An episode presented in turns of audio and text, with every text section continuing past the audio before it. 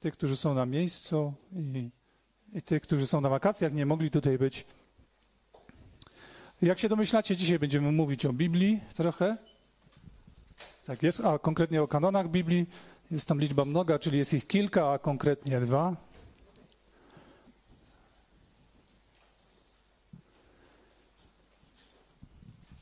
Będzie to słowo bez kartki, może się uda.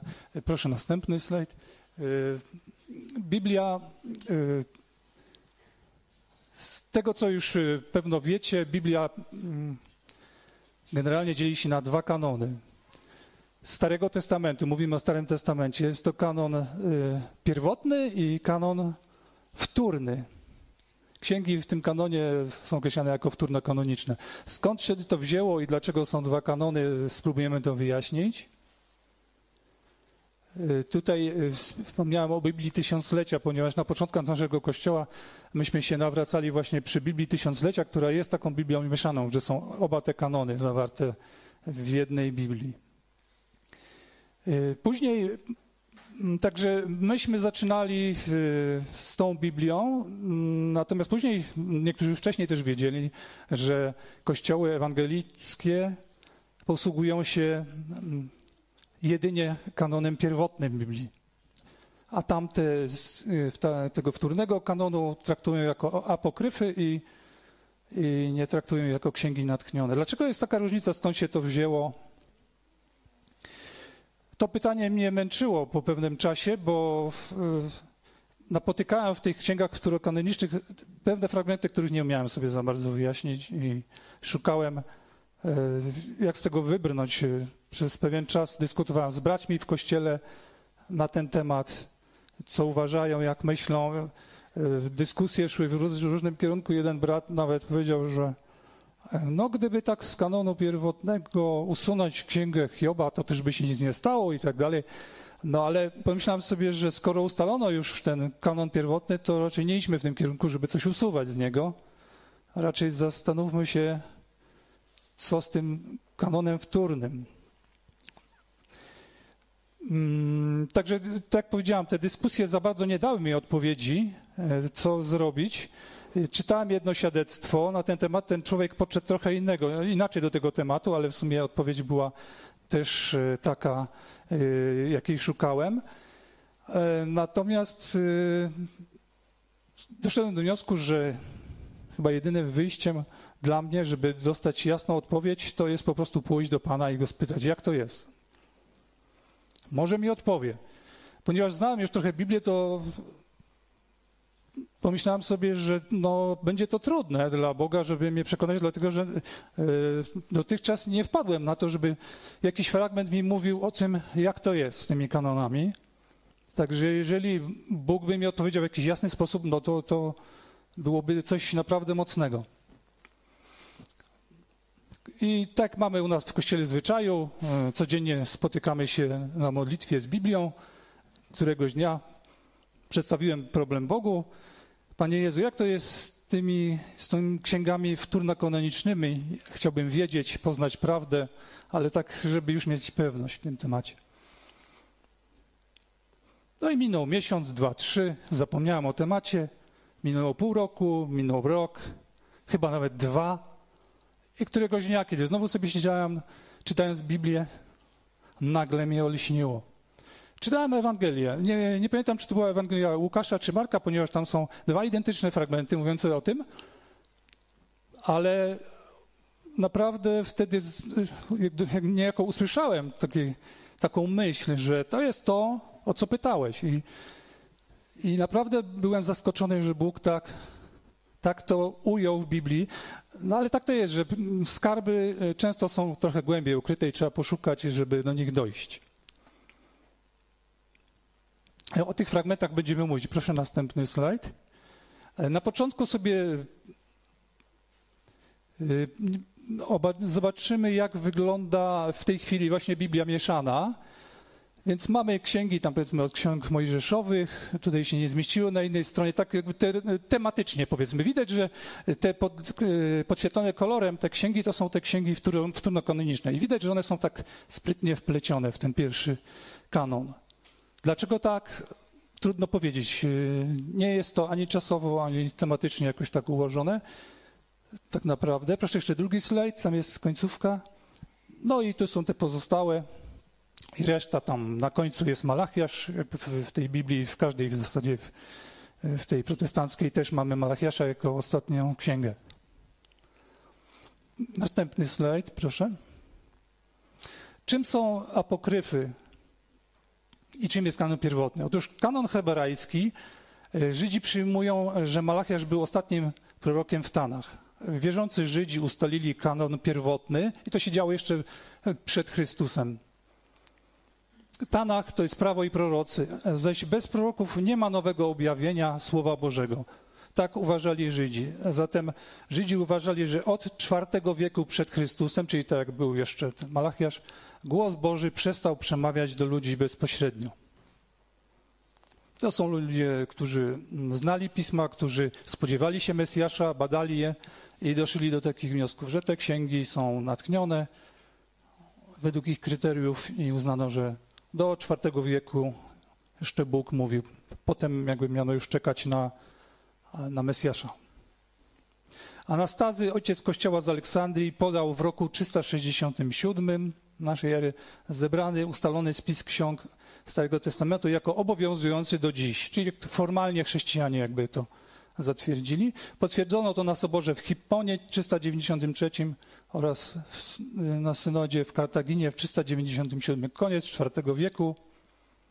Do tego czasu y, chrześcijaństwo było jeszcze w takiej formie, jaką chcemy, jaką teraz staramy się odtworzyć, tak? Czyli takie pierwotne chrześcijaństwo. Proszę następny. Apokryfy to księgi nieuznane za natchnione z powodu wątpliwości, na przykład niezgodności z kanonem, fikcyjny lub legendarny charakter niektórych fragmentów. Na przykład Księga Tobiasza przyjmuje, to pewno znamy to, że jałmużna gładzi grzechy, co jest niezgodne z Biblią. Prawo duchowe, które jest podane w Biblii, możemy to znaleźć też w liście do Hebrajczyków 9:22, że bez przelewu krwi nie ma odpuszczenia grzechu. W pierwszym liście Piotra znajdziemy fragment, że my zostaliśmy odkupieni z naszych grzechów nie czymś przemijającym, byle czym, ale drogocenną krwią Jezusa. A w liście do Rzymian w trzecim rozdziale znajdziemy, że yy, mowa jest o Chrystusie. Jego to Bóg ustanowił narzędziem przebłagania za nasze grzechy mocą Jego krwi. Nie ma innej ofiary, która by nas ratowała od skutków naszego grzechu.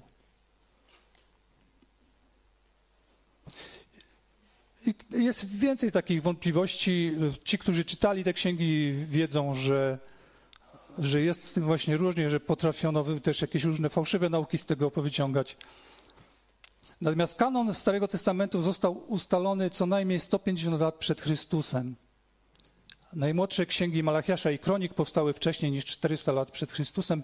Potem Żydzi badali, że te księgi są natchnione.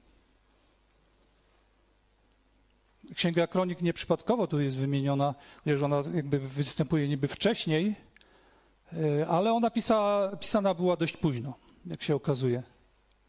Przez blisko cztery stulecia chrześcijaństwa żaden sobor czy kanon nie uznał apokryfów za natchnione. Czy to, to wcześniej było o tych soborach, to były te pierwsze cztery stulecia chrześcijaństwa.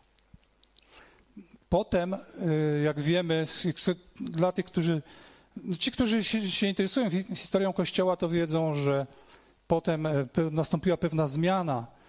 E, chrześcijaństwo stało się taką religią powszechną i Kościół został wyposażony między innymi w oręż e, militarny oraz wszelkiego rodzaju narzędzia, państwowe narzędzia represji. W tym momencie tak zwana ewangelizacja szła już ogniem i mieczem. Tak, to jest całkiem inna historia niż to chrześcijaństwo pierwotne, które czytamy w naszych księgach Nowego Testamentu. I w roku 1546 na kontrreformacyjnym Soborze Trydenckim uznano apokryfy jako księgi natchnione i wprowadzono do kanonu w obrzędzie rzymskokatolickim. Czyli w tym obrzędzie one obowiązują do dziś, jak, jak wiemy, i są tam stosowane.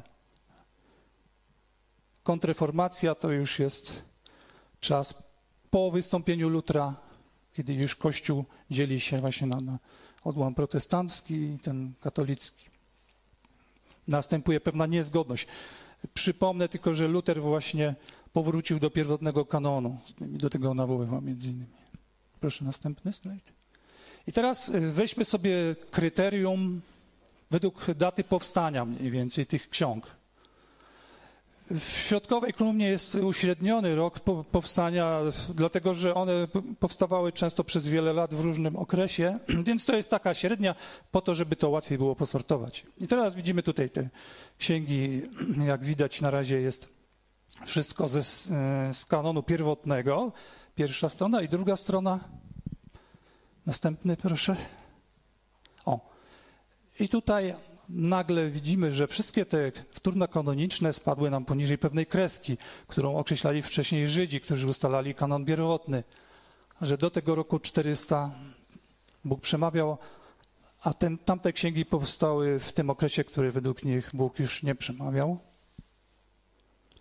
No jest to pewien e, argument, że coś tutaj jest na rzecz. Jeszcze y, mowa jest o tym, że w księdze Daniela tam są takie dodatki też takie nazwane jako wtórna konieczne, które powstały też później y, o Zuzannie i tam takim wężu, który nam na podstawie chyba której to opowieści powstała legenda o smoku wawelskim. Fajne to jest, jak się czyta, ale to taka, y, no, taka trochę historia legendarna. To jest pierwsze kryterium. Następny slajd, proszę. Jeśli chodzi o cytaty, no wiadomo, że jeżeli na przykład Jezus, czy w Nowym Testamencie cytowane są fragmenty z jakiejś księgi Starego Testamentu, że ona nie, nie ulegało wątpliwości, że ona jest w tym kanonie, że jest uznana. I jeśli chodzi o na przykład o Mojżesza, no to on jest tak i w Starym, i w Nowym tak często przywoływany, że to nawet nie ma co mówić. I Jezus się oczywiście też na niego powoływał. Księga Sędziów w Hebrajczykach mowa jest o Samsonie, Gedeonie i tak dalej. Takie przykłady tylko. Księga Rut. Rut jest w rodowodzie Jezusa. W Księdze Mateusza możemy to znaleźć e, bez problemów. Księga Nehemiasza, Dzieje 4,24 i, i, i również w Księdze Kronik. To też jest ciekawe, do tego wrócę. Psalmy. Jezus się powołuje na, na, Dawida i psalmy. To, to przecież pamiętamy, jak Jezus pytał tam ludzi, no, co sądzicie o, o synu, i, bo Dawid tak napisał i, tak dalej, co wy sądzicie? No i tak powoływał się na, na, na Dawida też często. Y, Księga Przysłów, na przykład Hebrajczyków 12, 5, 6. Izajasz też bardzo znany. Jezus się na niego powoływał. Na przykład Mateusz 1, 23. Często tam, że słusznie powiedział prorok, prorok Izajasz o was, to i tamto. Jeremiasz, Marek 8:18, Ezekiel. Jezus mówi o, tam o owcach bez pasterza, e, znany fragment, na który Jezus się powoływał. Daniel, Marek 13 Hebrajczyków 11 też o tych bohaterach jest wspomniane tam. Ozeasz, miłości pragnę, nie krwawej ofiary, też o tym Jezus wspominał i w tej Ozeasz też jest Mateusz 2:15. Z Egiptu sprowadziłem syna swego.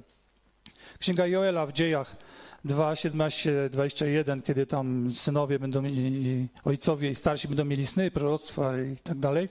Amos, dzieje 7,42, Jonasz. Y, I wiadomo, że Jezus się powoływał na, na Jonasza. Y, także ewidentnie znał tą księgę i wiedział, że ona pochodzi też od Boga. Michałasz, Betlejem Judzkie, Mateusz 2,6 proroctwo odnośnie Jezusa, urodzenia. Habakuk 1.5 to jest to samo, co dzieje 14.41. Prorok Ageusz w Hebrajczykach 12.26. Zachariasz Jan 13, 19:37 i Apokalipsa 1:7. Malachiasz, Mateusz 11:10 przywołuje Malachiasza i tam jest na dole jeszcze Hiob i nawołuje się, powołuje się na niego list Jakuba. Mm, to są te, które mniej więcej sprawdziłem, te, te cytaty, natomiast jeśli chodzi o cytaty z apokryfów, z ksiąg, ksiąg wtórno-kanonicznych, no to nie ma takich cytatów. I w, w Biblii Tysiąclecia znalazłem jeden, który się powoływał, taki fragment, jeden na, na cały Nowy Testament, E, powołał się na jakąś księgę wtórnokoniczną, ale szczerze mówiąc e, było to tak naciągane, że no, można by się przyczepić. Proszę, następny. I teraz te fragmenty, które mnie tam ruszyły. Właśnie. Pierwszy jest z Łukasza 11:52.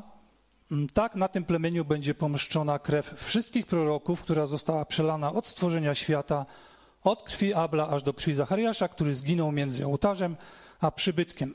tak mówię wam, na tym plemieniu będzie pomszczona. Biada wam, uczonym w prawie, bo wzięliście klucze poznania, samiście nie weszli, a przeszkodziliście tym, którzy wejść chcieli. Ten 52 jest bardzo mocny, ten, ten werset, ale to już w innym temacie. Natomiast często czytając ten fragment, tak, e, bo to jest e, ten moment, kiedy Jezus się trochę sprzecza z faryzeuszami odnośnie tych proroków, że oni tam mówią, że gdyby żyli tam w tamtych czasach, to by tych proroków szanowali, a nie mordowali. Wtedy Jezus zarzucił, że oni właśnie są potomkami tych zabójców. I taka dyskusja odnośnie tych proroków, natomiast Jezus tutaj określił czas, odkąd dokąd to obowiązywało. I to mnie tak dotknęło.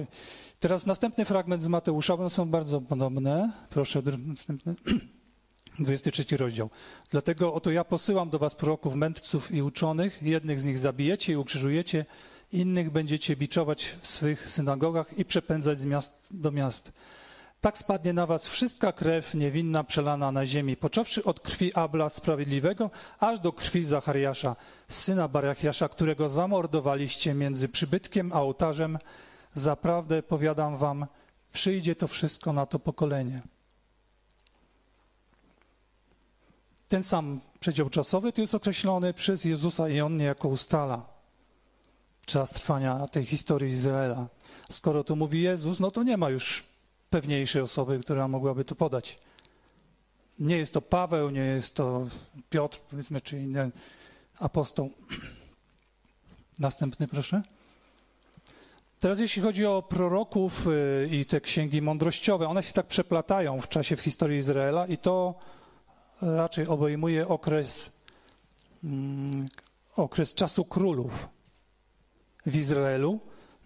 Jak czytamy no, epokę królów, to tam się spotykamy często, że przychodzi jakiś prorok i ci prorocy często są tam wymieniani. Oni brali udział w życiu tych królów i ich napominali, prowadzili. E, więc to działo, to się przeplatało, ten czas proroków e, z czasem e, królów. Możemy następny slajd teraz puścić. Także w tym momencie, jak to schowamy już w, te, w tą historię, one są tam wplecione wewnątrz, to mamy już taką sytuację, jeśli chodzi o historię Izraela. Pięcioksiąg, tam y, te księgi podstawowe właśnie, w których jest opisana historia i zostają nam trzy księgi Zdrasza, Nehemiasza i Estery, które wydają się być jakby poniżej tej księgi kronik. Znaczy, Księga Kronik, tak niedawno właśnie zdaniaśmy czytali, że to była kiedyś jedna księga, tylko potem to podzielono na dwie. Co z tymi trzema e, księgami? Zobaczymy dalej teraz. Teraz odnośnie tych momentów jeszcze rozpoczęcia i zakończenia. Tak spadnie na was wszystka krew niewinna przelana na ziemi, począwszy od krwi Abla Sprawiedliwego, aż do krwi Zachariasza, syna Barachiasza, którego zamordowaliście między przybytkiem a ołtarzem. Krew Abla, o tym poczytamy w Księdze Rodzaju 4.8. A gdy byli na polu, Kain powstał przeciwko swemu bratu Ablowi i zabił go.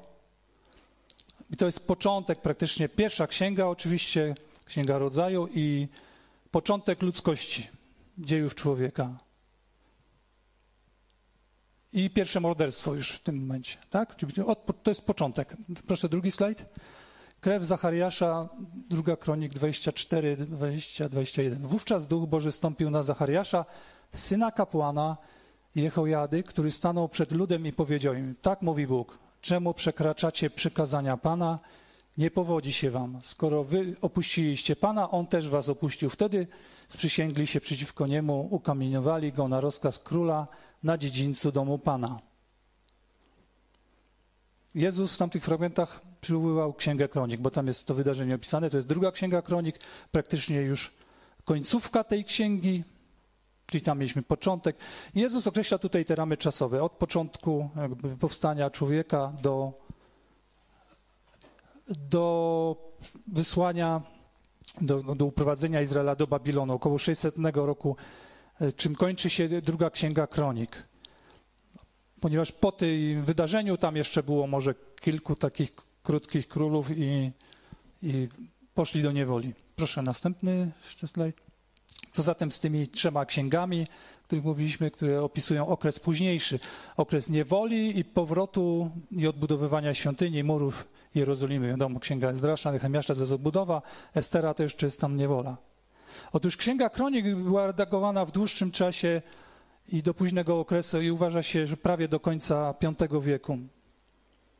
A zatem znane były wydarzenia z okresu powrotu z niewoli i odbudowy świątyni. Okazuje się, że zostało to ujęte w księdze Kronik, gdzie mamy cytaty z księgi Nehemiasza i Ezdrasza, między innymi rodowody w, pierwszej księdze Kronik. Już w pierwszej księdze Kronik mamy rodowody tych Izraelitów, którzy wrócili z niewoli babilońskiej, czyli nie jest to jedynie do, do czasu niewoli babilońskiej, ale jest to jeszcze ten okres powrotu i odbudowy świątyni.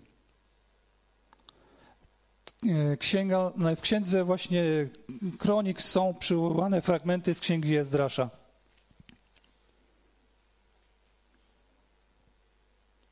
I Nehemiasza również, bo to jest ten sam okres.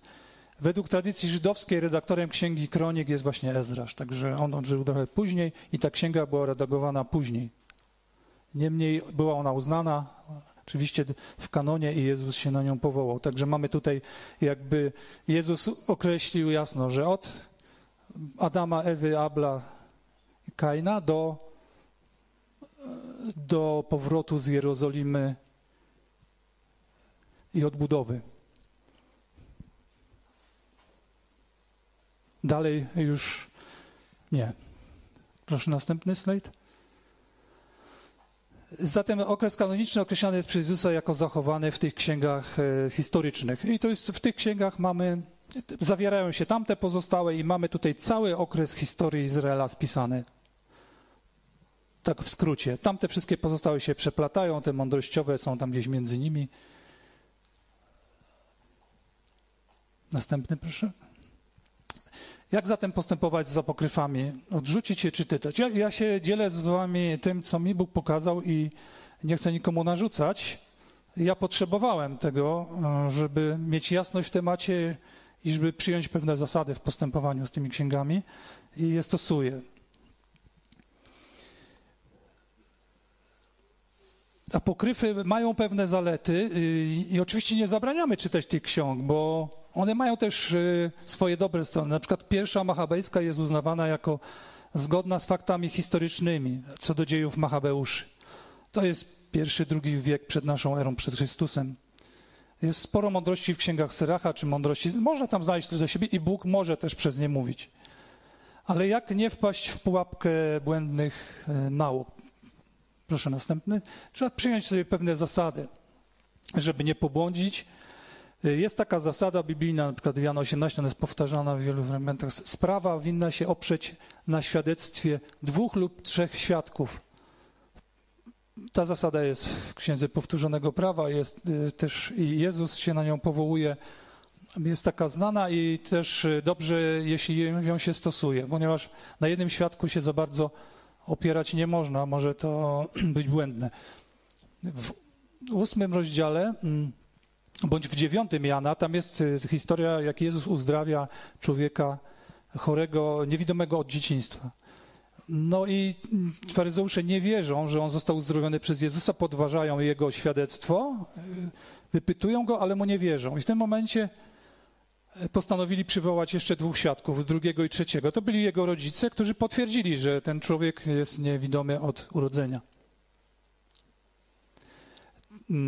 Jeśli chodzi o tą zasadę, Bóg też to stosuje, bo w tym, e, kiedy ja zadałem Bogu to pytanie, to dostałem odpowiedź od dwóch świadków, tak? Mateusz i Łukasz.